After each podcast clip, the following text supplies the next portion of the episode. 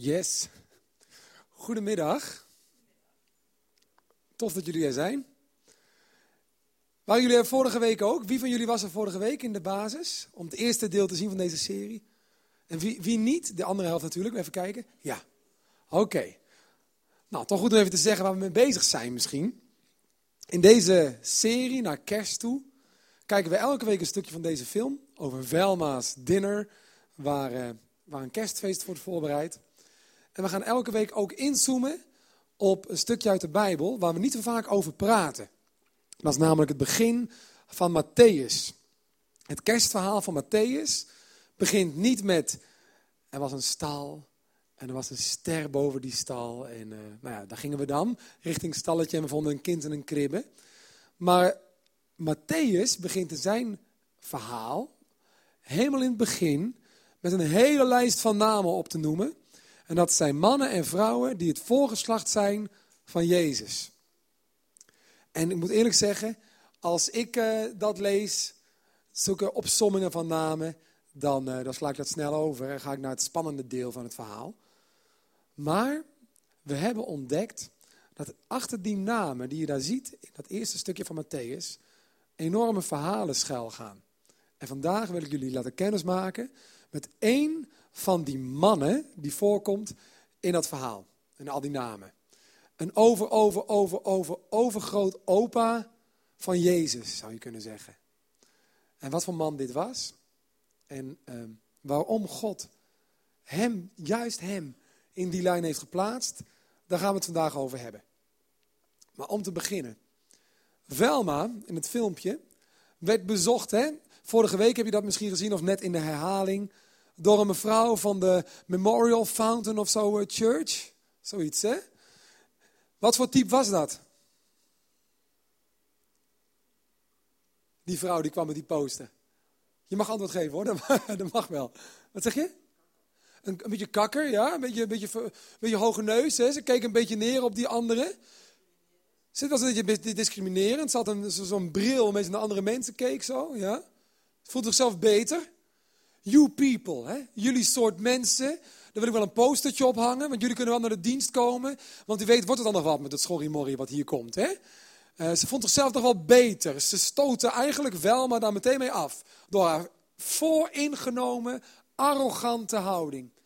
Ik kan je beloven, als je de komende weken goed oplet over die mannen en vrouwen in het eerste deel van Matthäus, dan is er geen ruimte meer voor vooringenomenheid en arrogantie voor iedereen die bij God wil horen.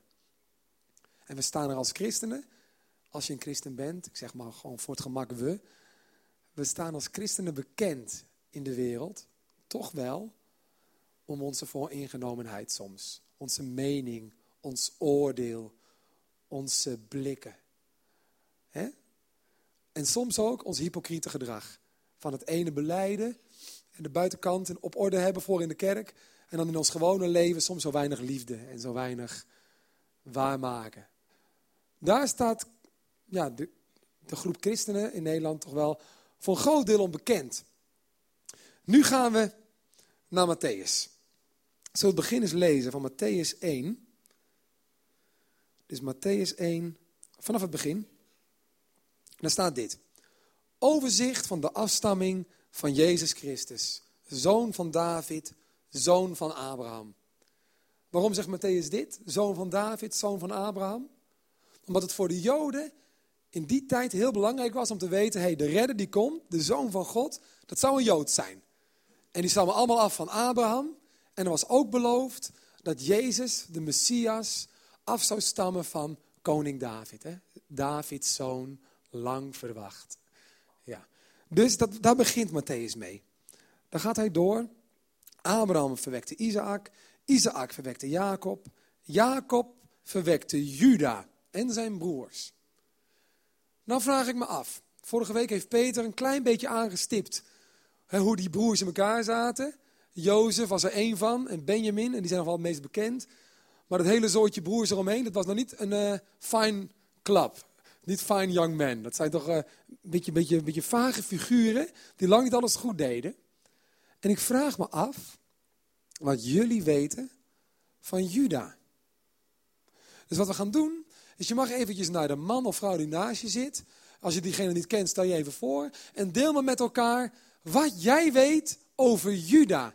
Die over, over, over, overgroot opa van Jezus. Waar Jezus dus ook echt uh, van afstamt. Bespreek het maar eens met elkaar. Dus wat weten jullie van Juda? Ga je gang. Misschien is het een heel kort gesprek. Dat kan.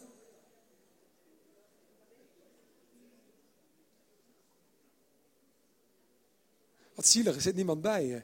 Weet je iets van Juda? Ook niet. Oh, dan, is het niet zo erg. Nou, er wordt toch nog wat gespraat. Zijn jullie gewoon het vragen of de ander wat weet, of weten jullie echt wat over Juda?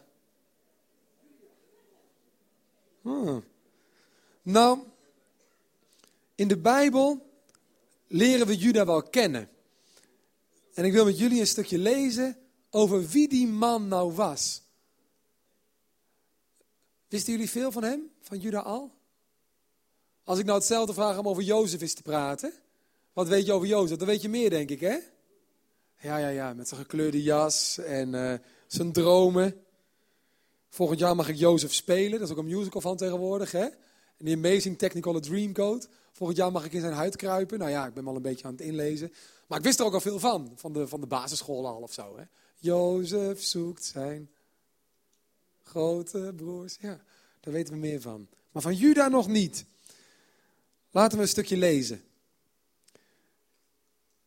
In Genesis 37 lezen we over Jozef, die op zoek gaat naar zijn broers. Maar zijn broers hebben een gloeiende hekel aan hem. Waarom? Omdat Jozef werd voorgetrokken door zijn vader. Omdat hij ook praatjes had, die Jozef. Jozef droomde namelijk nogal veel. Hij droomde dat hij uh, in het veld was en zag die koren schoven bij elkaar staan. En er waren elf kleintjes en één grote. Hè? Ja, er waren allemaal kleintjes en één grote. En die kleintjes die gingen een buiging maken voor die grote. Wie was nou die grote korenschoof? Jozef zelf. Dat vertelde ik, heb gedroomd. En jullie waren allemaal klein en ik was heel groot en jullie bogen voor mij. Ja, apart hè? Had nog een droom. Ja, ik droomde dat jullie allemaal waren allemaal een klein sterretje. En er was één heel groot licht. En uh, al die kleine sterretjes maakten een diepe buiging voor het grote licht. Ja, ik was het grote licht trouwens. En jullie waren de kleine sterretjes. Ik kan me wel voorstellen, als je kleine broertje zo tegen je praat, dat je denkt, nou, als ik op een dag een put tegenkom, en ik ben dan met Jozef dan een klein zetje, en ik ben van zo'n, van zo'n wijsneus met zo'n grote mond af. Het is best wel arrogant en onhandig van Jozef ook, om zo tegen zijn broers te praten. En op een dag gaat hij zijn broers tegemoet in het veld, en dan zien de broers hun kans. En daar gaan we lezen. Genesis 37, vers 18. Daar staat, zijn broers zagen hem al van ver. En nog voordat hij hen had bereikt, hadden ze een plan beraamd om hem te doden. Zo, niet alleen in de put, ze wilden hem gewoon echt ja, doodmaken, vermoorden. Kijk daarheen, zeiden ze tegen elkaar. Daar komt die meesterdromer aan. Dit is onze kans. Laten we hem vermoorden en hem ergens in een put gooien. We zeggen gewoon dat hij door een roofdier is verslonden. Dan zullen we eens zien wat er van zijn dromen uitkomt. Toen Ruben dat hoorde, een van de andere broers, wilde hij proberen Jozef te redden. Nee, laten we hem niet om het leven brengen, zei hij. Er mag geen bloed vloeien. Gooi hem in die put hier, in deze verlaten streek, maar breng hem niet om. Zo wilde hij Jozef uit de handen redden van zijn broers en hem ongedeerd naar zijn vader terug laten gaan. Zodra Jozef bij zijn broers was gekomen, trokken ze hem zijn bovenkleed uit, dat mooie veelkleurige gewaad. En ze gooiden hem in de put. De put was leeg, er stond geen water in. En nu komt er iets heel geks, vind ik. Daarna gingen ze eten. dat, was, dat is nog gek. Dan pak je je broertje, was ongeveer 15, 16 jaar, Jozef, een soort puber, zeg maar. Die trekken zijn kleren uit. En dan gooi je hem in een put die leeg staat. Dan maak je een flinke smakkerd, zeg maar. En dan zeg je, nou, lunch. Dat is vreemd, hè? Maar ze gingen gewoon met elkaar zitten en ze gingen eten. En dan komt bijna Juda aan het woord. Want dan staat er, opeens zagen ze een karavaan naderen. Het waren Ismaëlieten die uit de richting van Gilead kwamen en op weg waren naar Egypte. De kamelen waren beladen met gom, balsem en cistushars. Cistus is een boom, denk ik. We gaan verder. Toen zei Juda, daar komt hij, tegen zijn broers: Wat hebben wij eraan om onze broer te vermoorden? Dan moeten we ook de sporen weer zien uit te wissen. Laten we hem aan de Ismaëlieten verkopen in plaats van hem om te brengen. Hij is tenslotte onze broer, ons eigen vlees en bloed. Ja, ja.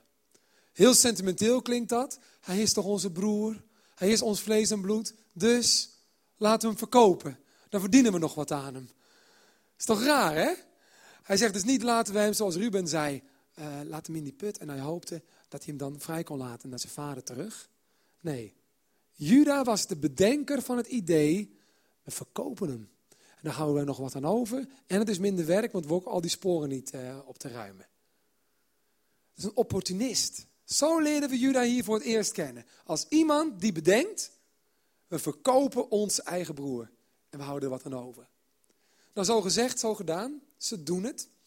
En ze verdienen geld. Ze krijgen geld voor Jozef. En daar gaat hun broertje, 15, 16 jaar, met die slaven mee naar Egypte. Tot nooit meer ziens. Dat geld nog in hun zak. Besluiten ze, we moeten nu naar huis toe en we moeten dit aan onze vader vertellen. Wat doen ze? Ze pakken die, die, uh, die jas die ze hadden afgepakt van Jozef. Die maken ze kapot en die dopen ze in het bloed van een dier. Dan gaan ze naar huis met een met bloed besmeurde jas. En dan gaan ze naar de vader, hun vader, de vader van Jozef. En dan zeggen ze, vader, er is iets vreselijks gebeurd. En dan laten ze de jas zien. En dan kijken ze hun vader recht aan. En ze zeggen tegen hun vader, je zoon is dood. Je zoon is dood.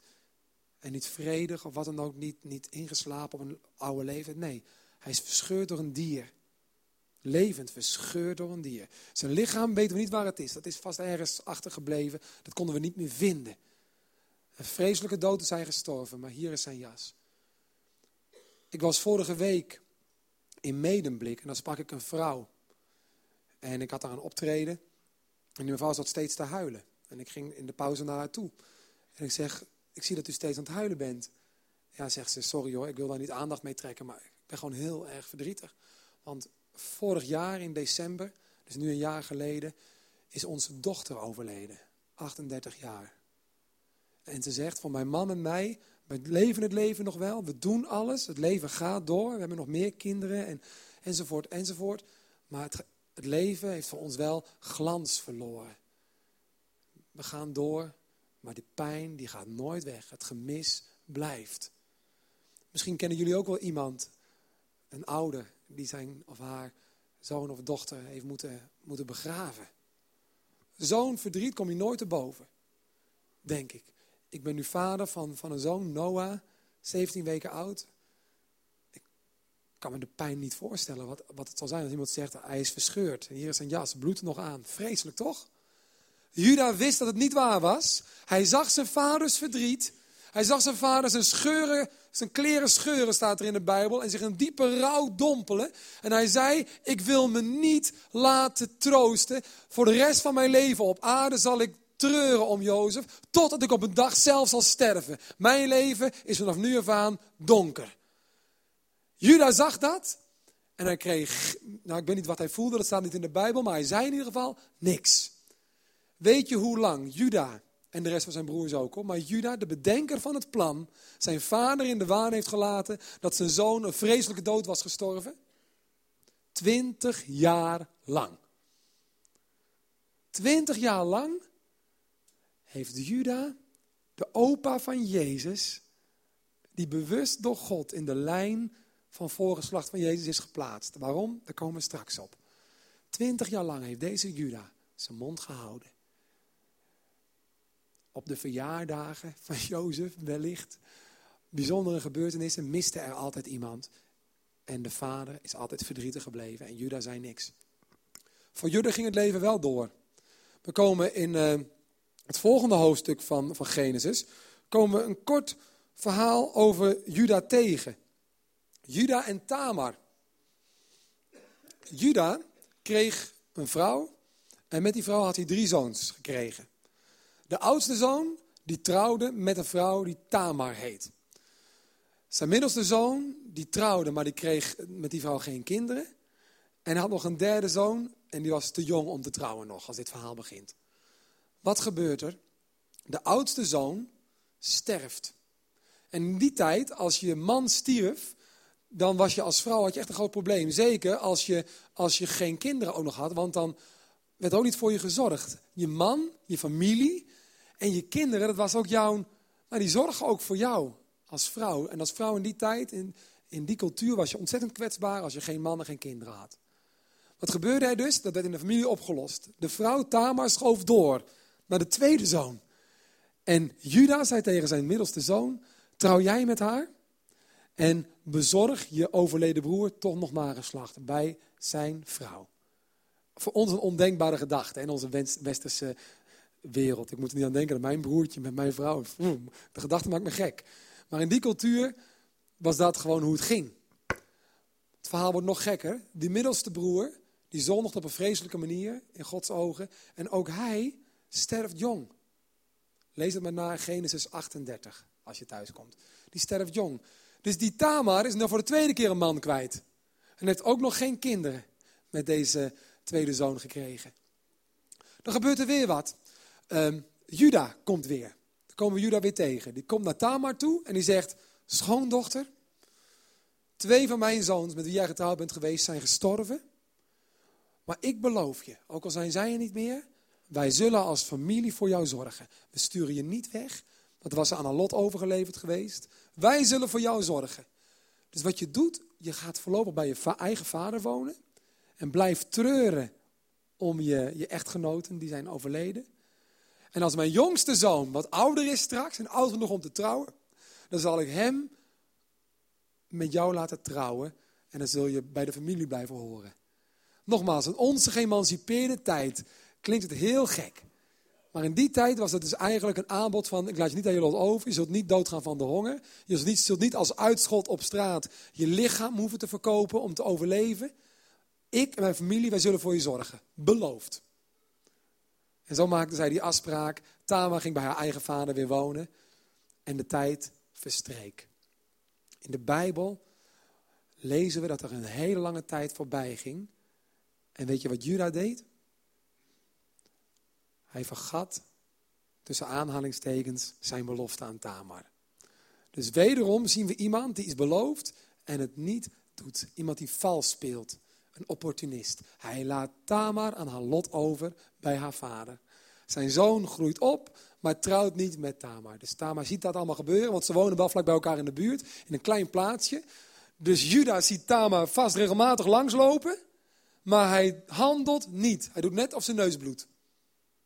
Wederom zwijgen, net als naar zijn vader. Dan besluit Tamar het lot in eigen handen te nemen. Wat doet ze? Ze verkleedt zich op een dag, en het klinkt bizar, het lijkt wel een soap, maar dan nog erger. Ze verkleedt zich op een dag als een prostituee. En ze zoekt in de poorten van de stad, en daar zit Juda, omdat hij een invloedrijk man is, die zaten dan daar, zoekt ze Juda op. En er staat in de Bijbel, Genesis 38, lees het maar na, dat Juda haar niet herkent. Dat zegt wat. Zijn schoondochter, die hij had beloofd, wij zullen voor je zorgen, herkent hij niet. Zegt dat iets over zijn zorgzaamheid? Ja. Want hij herkende haar niet eens meer. Zoveel had hij haar uh, naar haar omgezien de afgelopen jaren. Ze praten met elkaar. En na een tijdje praten besluit Juda gebruik te maken van de diensten van prostituee Tamar. Ze spreken af hoeveel het moet kosten. Weet iemand wat het moest kosten? Wat zeg je? Ja, het komt zo langs een staf. Nee, ze spraken eerst af een geit. Ja, het kostte één geit. Dus, nou ja, eh, Judas zei dat is goed. Dus, uh, uh, nou ja, ze gingen met elkaar weg en ze sliepen met elkaar. En uh, toen zei Tamar, ik krijg een geit van je. Judas zegt, nou, ik heb geen geit bij me, ik heb geen geit. Ja, maar je hebt het beloofd. Ja, maar ik, ik, heb, nu geen, ik heb nu geen geit. Nou, weet je wat je dan doet? Geef me je zegelring en geef me je staf. En daar komt die staf. Als onderpand. Regel dan die geit voor me. En dan uh, nou, krijg je je spullen weer terug, je onderpand. Nou, zo gezegd, zo gedaan. Tamar gaat weg en Juda gaat naar huis. Hij gaat naar een knecht toe, een beetje discreet, zegt hij zo van... Hé, hey, uh, er is daar zo'n vrouw bij de tempel, zo'n prostituee. Die moet je even een geit brengen. Geit brengen? Ja, doe hem maar gewoon. Geit brengen.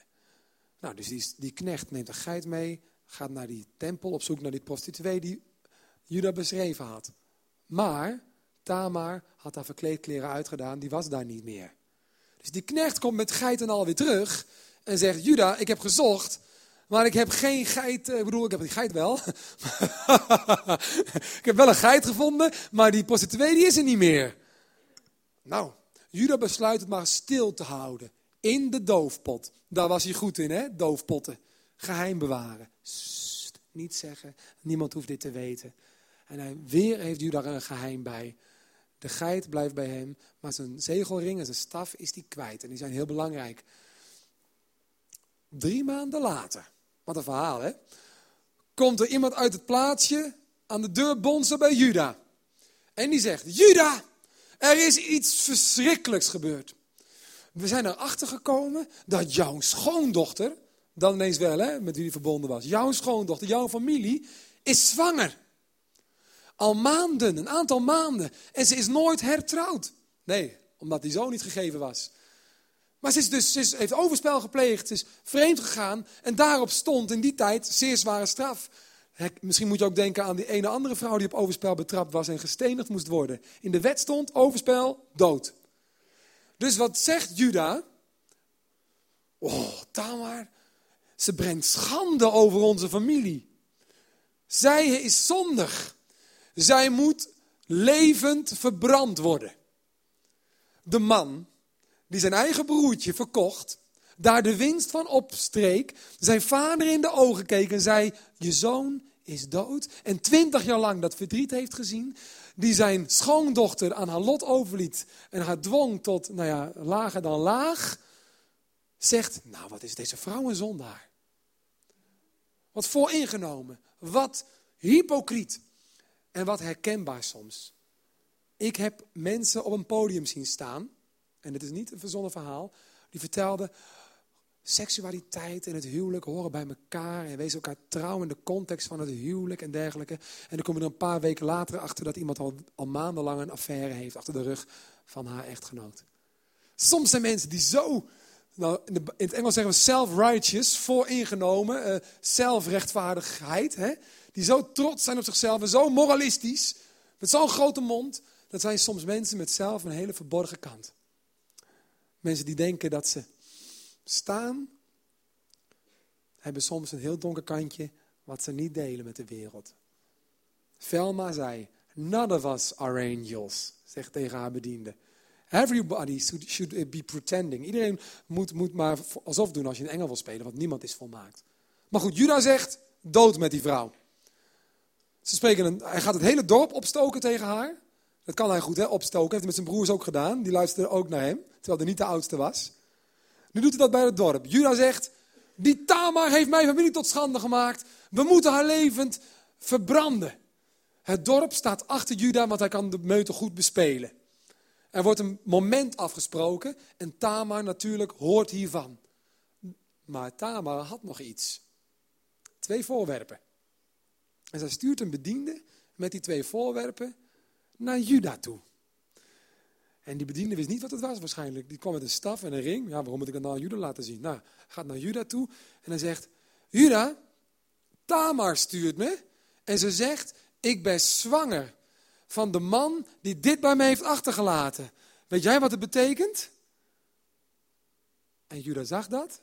En die zegt, nou, dat verbranden gaat vandaag niet door. En hij gaat naar Tamar toe. Het staat allemaal in de Bijbel. Je denkt het verzinnen ter plekke. Nee, het is gewoon een verhaal. En hij valt op zijn knieën voor Tamar en hij zegt: Tamar, jij bent rechtvaardiger dan ik. Ik heb mijn belofte naar jou gebroken. Ik, nou ja, ik ben betrapt. Hij viel door de mand. En hij beleed dat naar Tamar. En hij zegt tegen haar: Ik zal voor je zorgen en ik zal naar je omzien. Hij uh, maakte uiteindelijk, eigenlijk onder druk gezet door Tamar, zijn woord op die manier pas waar. Er wordt een jongen geboren uit die gekke relatie tussen schoonvader en schoondochter. En dat lezen we ook in de Bijbel. Ik zal het je laten zien. In Matthäus 1 staat: Jacob verwekte Juda en zijn broers. En Juda verwekte Peres en later Serach bij Tamar. Er kwam daarna dus nog een kind. En die Peres staat dus ook in de lijn naar Jozef toe, die de man mocht worden van Maria, waar Jezus geboren werd. Een zoon geboren uit een schoonvader en een schoondochter, uit leugen, uit bedrog, uit manipulatie, staat in de lijn naar Jezus toe. Wat een schandaal. Als je in Amerika president wil worden, dan wordt eerst even je hele familiegeschiedenis goed nageplozen. Waarom? En mocht iets aan het licht komen van overspellen of iets met geld wat niet klopt of zo, dan kan je campagne wel vergeten. Want dan word je in de krant neergezet als een viezerik of zo. Uh, Strauss-Kaan, denk er maar eens even aan. Bam, dan val je als leider. Hè? De zoon van God kwam in de wereld en God heeft ervoor gezorgd dat het door dit soort figuren ook was. God heeft dat zo geregisseerd. En het staat zo in Matthäus. Je zou kunnen denken, ja maar als je je zoon wil neerzetten op aarde en de hele wereld moet zien, het is een volmaakte zoon, het is een heilige zoon, het is, het is een, een zoon zonder zonde, het is heilig en puur. Dan zou je toch voor marketingdoeleinden een paar mannen en vrouwen uit die lijst wegvlakken? Het komt toch niet zo sterk over dat dat soort viezigheid in de lijn naar Jezus toe voorkomt? Waarom kiest God er dan toch voor om die mensen in de Bijbel te laten staan? Batseba en David komen er ook in voor. De zoon die geboren werd uit overspel. De man van Uria, eh, de vrouw van Uria was Batseba. Ja, ook hij staat in de lijn naar Jezus toe. Waarom?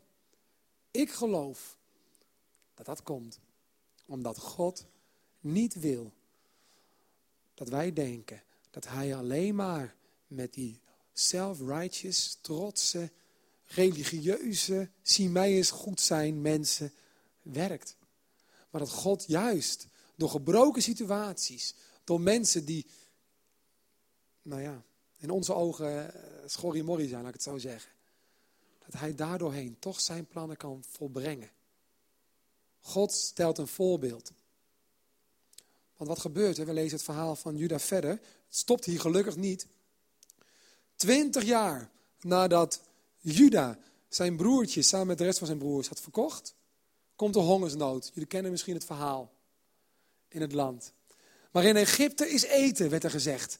En daar kan je naartoe en daar kan je uh, nou ja, op een of andere manier proberen eten te krijgen voor jou en je familie. Anders zouden ze omkomen. De broers gaan naar Egypte. En wie gaat daar over het eten? Wie is daar de op twee na machtigste man? Jozef. God heeft zijn leven verder geleid. Het is wonderlijk gegaan, een verhaal op zich. Maar Jozef is opgeklommen en gaat over de distributie van het eten. De broers, Juda inclusief, staan voor Jozef. Jozef staat oog in oog met de mannen die hem hebben verkocht. Die hem eerst wilden vermoorden. Die zijn vader hebben laten zeggen en weten dat hij dood is. En wat gebeurt er? Hij gaat ze testen. Kijken of ze veranderd zijn of niet. Hij wordt emotioneel, het is een heel verhaal. En uiteindelijk staat er, komt er een moment dat Jozef er niet langer aan kan. Het masker, want zijn broers herkennen hem niet. En dan lezen we in de Bijbel het volgende, in Genesis 45. Toen kon Jozef zich niet langer goed houden tegenover allen die daar bij hem waren. Laat iedereen weggaan, riep hij.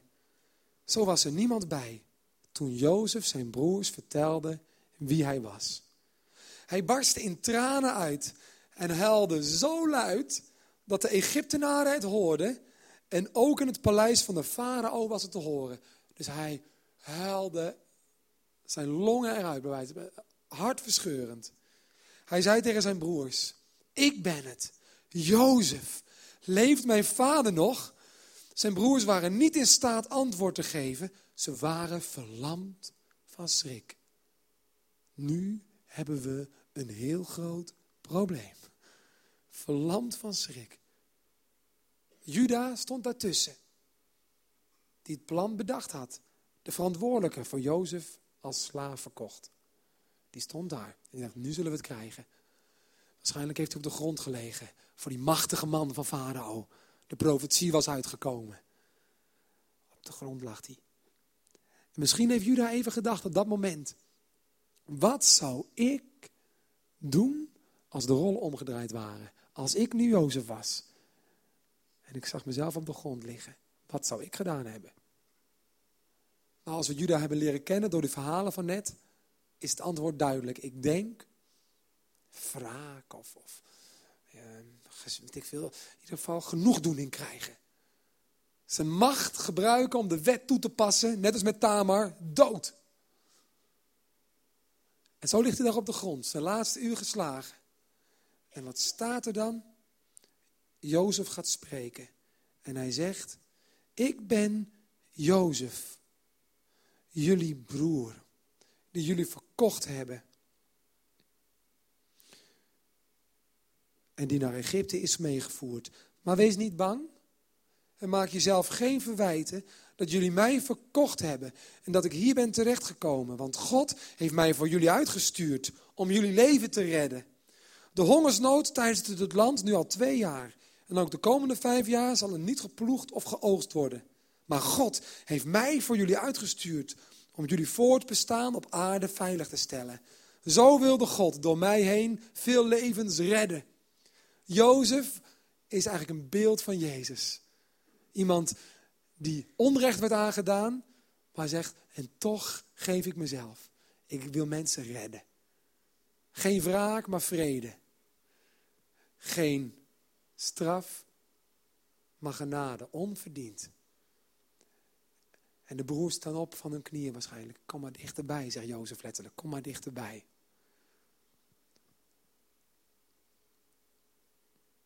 En God kijkt naar beneden. Ziet daar Jozef, die genade uitdeelt.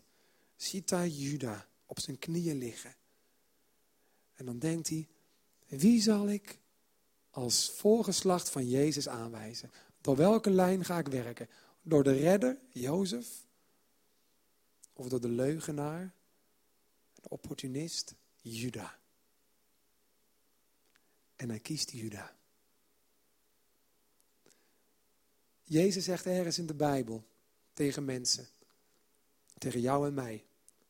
Iemand die veel is vergeven, is kwijtgescholden, zal ook veel liefde kunnen geven. Iemand die veel genade heeft ontvangen, zal ook veel genade weg kunnen geven. Ik geloof, als we de genade van God werkelijk leren kennen, dan is er voor hoogmoed geen plek.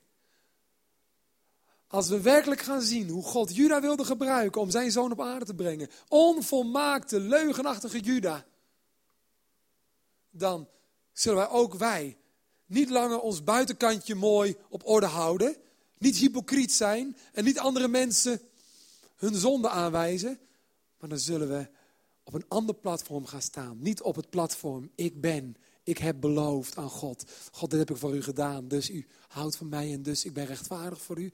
Nee, dan gaan we op het platform staan van, God, er was zoveel om mij aan te merken en nog steeds. Maar u heeft ervoor gekozen om mij niet te geven wat ik verdiend heb, maar om mij genade te schenken. Ik sta recht tegenover u, God, om wat u heeft gedaan en niet om wat ik heb gedaan. Hoor je dat? Ik sta recht tegenover u, God. En ik mag tot u naderen, net als Jozef zei, kom maar dichterbij. Zegt God ook, kom maar dichterbij. Niet om wat jij hebt gedaan in je leven, wat er goed en fout is gegaan. Maar kom maar dichterbij, om wat mijn zoon heeft gedaan voor jou. Kom maar dichterbij met je pornoverslaving. Want mijn zoon wil je vrijmaken.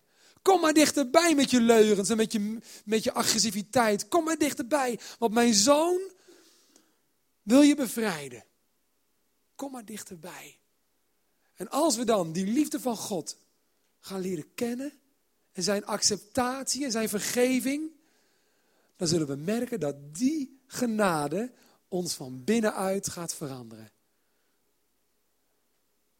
Niet van buiten naar binnen, maar van binnen naar buiten.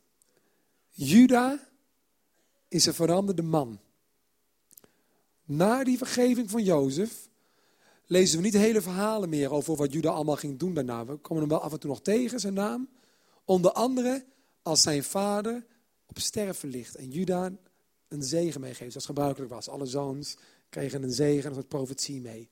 En dan zegt vader tegen Juda, jij bent het. De scepter, de scepter, de macht zal van jou niet wijken. Tot de dag komt dat hij zal verschijnen. Tot die dag. Door jouw lijn. Daar komt het op neer.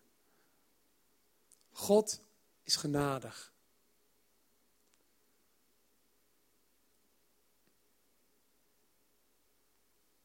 Ik wil een lied voor jullie zingen.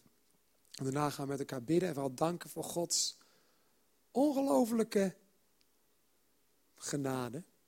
Een ongelofelijke werkwijze om met stumpers, zondaars, nieuwe dingen, mooie dingen tot stand te brengen. En weet je, die zondaars, die krijgen steeds minder zin om te zondigen. Als Jezus in hun hart is komen wonen met zijn genade. Het lied dat ik wil zingen heet In de troonzaal. Het bestaat uit twee delen. Eén deel schreef ik vijf jaar geleden. Toen ik nog op mijn eigen platform stond van ik moet het goed doen voor God. Het tweede deel schreef ik twee jaar geleden. Toen ik Gods genade had ontdekt. Huiverig kom ik voor uw troon. Zie de glorie van uw zoon. En wat heb ik te bieden? Dan alweer mijn vuile hart. Vader, zie me voor u staan. Ik die echt met u wil gaan. Toch de zonde weer gedaan. Stuur niet bij u vandaan. Vergeef mij. Genees mij. Doorstroom mij. Vader, maak me nieuw. Ik wil van u zijn.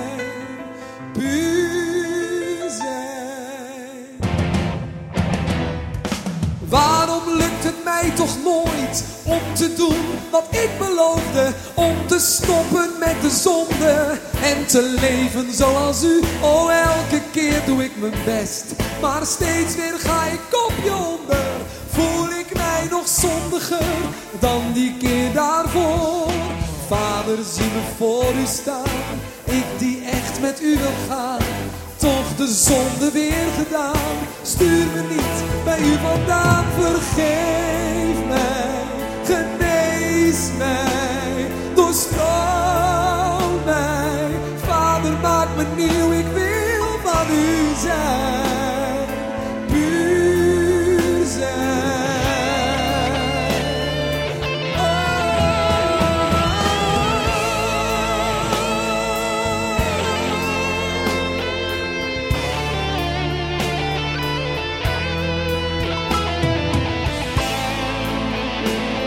zoals ik vaak op mijn knieën bad, dit soort dingen. Mijn knieën lag, oh God, weer misgegaan. Oh God, laat me toch niet los. Oh God, neem uw heilige geest toch niet weg van mij. Lijkt wel een beetje op de manier zoals Juda op zijn knieën lag. Voor zijn broertje Jozef. Maar zoals Jozef zei, kom maar dichterbij.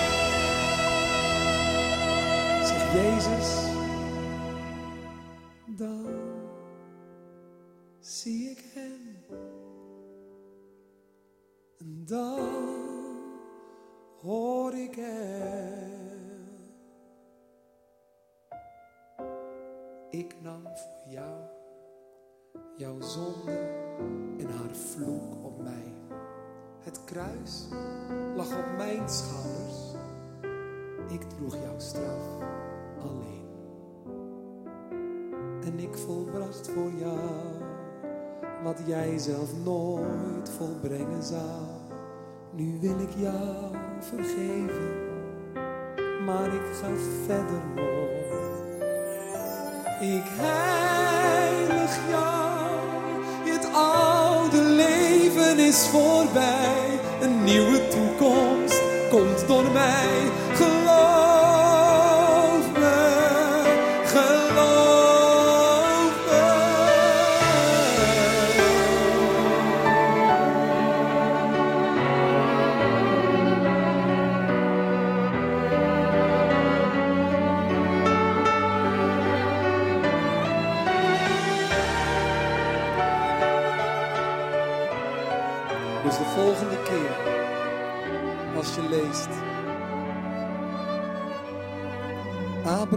Verwekte Isaac. Isaac verwekte Jacob. En Jacob verwekte Juda en zijn broers. Juda verwekt Peres en Serach bij Tamar. Als je die woorden nog een keer hoort in je leven, hoop ik dat je erbij zult denken. Amazing grace, how sweet that sound that saved a wretch like me. I once was lost, but now I'm found. I was blind, but now I see. Als God door Juda iets moois tot stand kan brengen en zijn genade toont, vertrouw jij ook dan op zijn genade. Fijne kerst. God zegen. Laten we bidden en danken.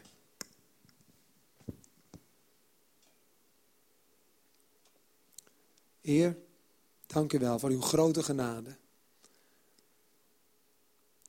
Dank u wel dat als we uw genade en uw wens om te vergeven en heel te maken en te veranderen, als we die leren kennen, dat we dan ook geen angst meer zullen hebben om ons uh, kast open te doen en alles te laten zien wat er in ons leven heeft afgespeeld. Juda had zoveel ja, lijken in zijn kast, zoveel geheimen, zoveel doofpot, zoveel leugen, zoveel schone schijn. En de buitenkant was zo heilig dat Tamar zondig was in zijn ogen en hij volmaakt. Maar Heer, wat had hij veel geheimen. En wat mankeerde hij veel aan zijn eigen leven.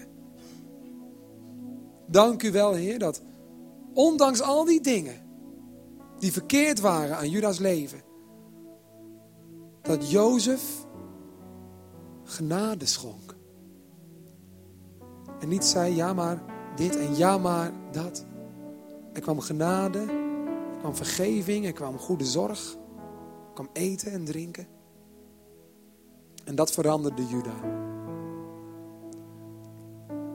Hier zijn mannen, waarschijnlijk, die weten wat overspel is. Misschien weet een partner het nog niet eens. Er zijn hier vrouwen die weten wat, wat, haat en onvergevingsgezindheid is. Zijn die mensen die weten wat leugen is.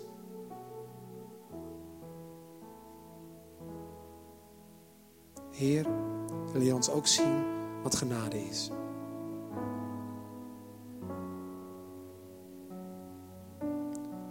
Ik bid om de moed om net als Juda het volle licht te komen en genade te accepteren. Voor ons allemaal. Dat de sluier van zelfrechtvaardigheid zal vallen. Dat we niet langer het gewicht van geheimen en leugens mee zullen nemen in ons leven. Maar dat deze kerst een verschil zal maken in ons leven. Omdat het kerstkind, Jezus Christus, onze geheimen van ons afgenomen heeft en ons licht gaf. En ons lichter maakte. In een moment van stilte wil ik vragen om naar God te luisteren. Ik geloof dat God kan spreken in je hart, in je gedachten. En wellicht beukt er iets door je gedachten. Een geheim. Een lijk in jouw kast. Gods genade is groter. En vergeving is altijd zijn verlangen, veel meer dan straf. En zo dadelijk zal Peter daar met jullie op verder gaan. In Jezus' naam. Amen. Neem maar een moment voor jezelf.